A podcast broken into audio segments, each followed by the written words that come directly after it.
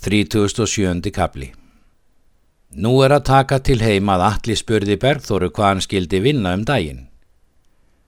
Hugað hefi ég þér verkið, segir hún.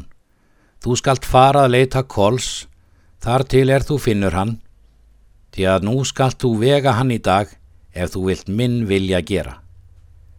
Hér er vel á komið, segir allir, því að hvort vekki okkar er ílmenni, en þó skal ég svo til hans ráða að annar hvor okkar skal deyja. Vel mun þér fara, segir hún, og skal þú eigi til engi svinna. Hann gekk og tók vopp sín og hest og reyði braut. Hann reyði upp til fljótslíðar og mætti þar mönnum er fóru frá hlýðarenda. Þeir áttu heima austur í mörg. Þeir spurðu alla hvert hann ætlaði. Hann hvaðst ríðaleita klárseins.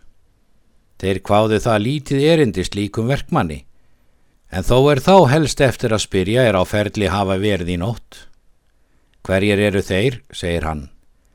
Vígakólur húskarl Hallgerðar, sögðu þeir.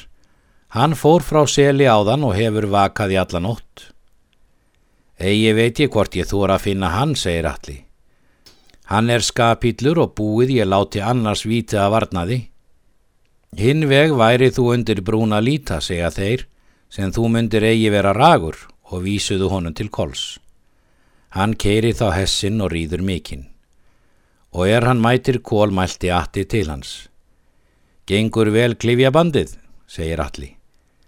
Það mun þið skipta engu mannfílan, segir kólur, og engan þann er þaðan er. Alli mælti. Það átt þú eftir er erfiðast er, en það er að deyja. Síðan lagði Alli spjótið til hans og kom á hann miðjan. Kólur sveiplaði til hans öksi og misti hans. Síðan fjall kólur af baki og dóð þegar.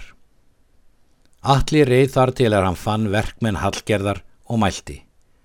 Farið upp til hess kols og geimið hans. Kólur er fallin af baki og er hann dauður. Hefur þú vegið hann, sögðu þeir. Hann svarar. Svo mun hallgerði sínas sem hann hafi eigi sjálf dauður orðið Síðan reið allir heim og segir Bergþóru víð. Hún þakkar honum verk þetta og orð þau sem hann hafðum haft. Egi veit ég, segir allir, hversu njáli mun þykja. Vel mun hann í höndum hafa, segir hún, og mun ég segja þér eitt til margsum að hann hefur haft til þings þrælskjöld þau er við tókum við fyrra sumar og munu þau nú koma fyrir kól, en þó að sættir verði þá skalt þú þó vera varum þig, því að hallgerður mun engar sættir halda. Vilt þú nokkuð senda mann til njál, segir Alli, að segja honum víið. Egi vil ég það, segir hún. Mér þætti betra að kólur væri ógildur. Þau hættu þá talinu. Hallgerði var sagt víkols og ummæli alla. Hún hvaðs launaskildu alla. Hún sendi mann til þings að segja Gunnar í víkols. Hann svaraði fá og sendi manna segja njáli. Hann svaraði engu. Skarpjöður mælti. Miklu eru þrælar aðgerðar meir en fyrr hafa verið. Þeir flugust þá á og þótti það ekki saka, en nú vilja þeir vegast og glotti við.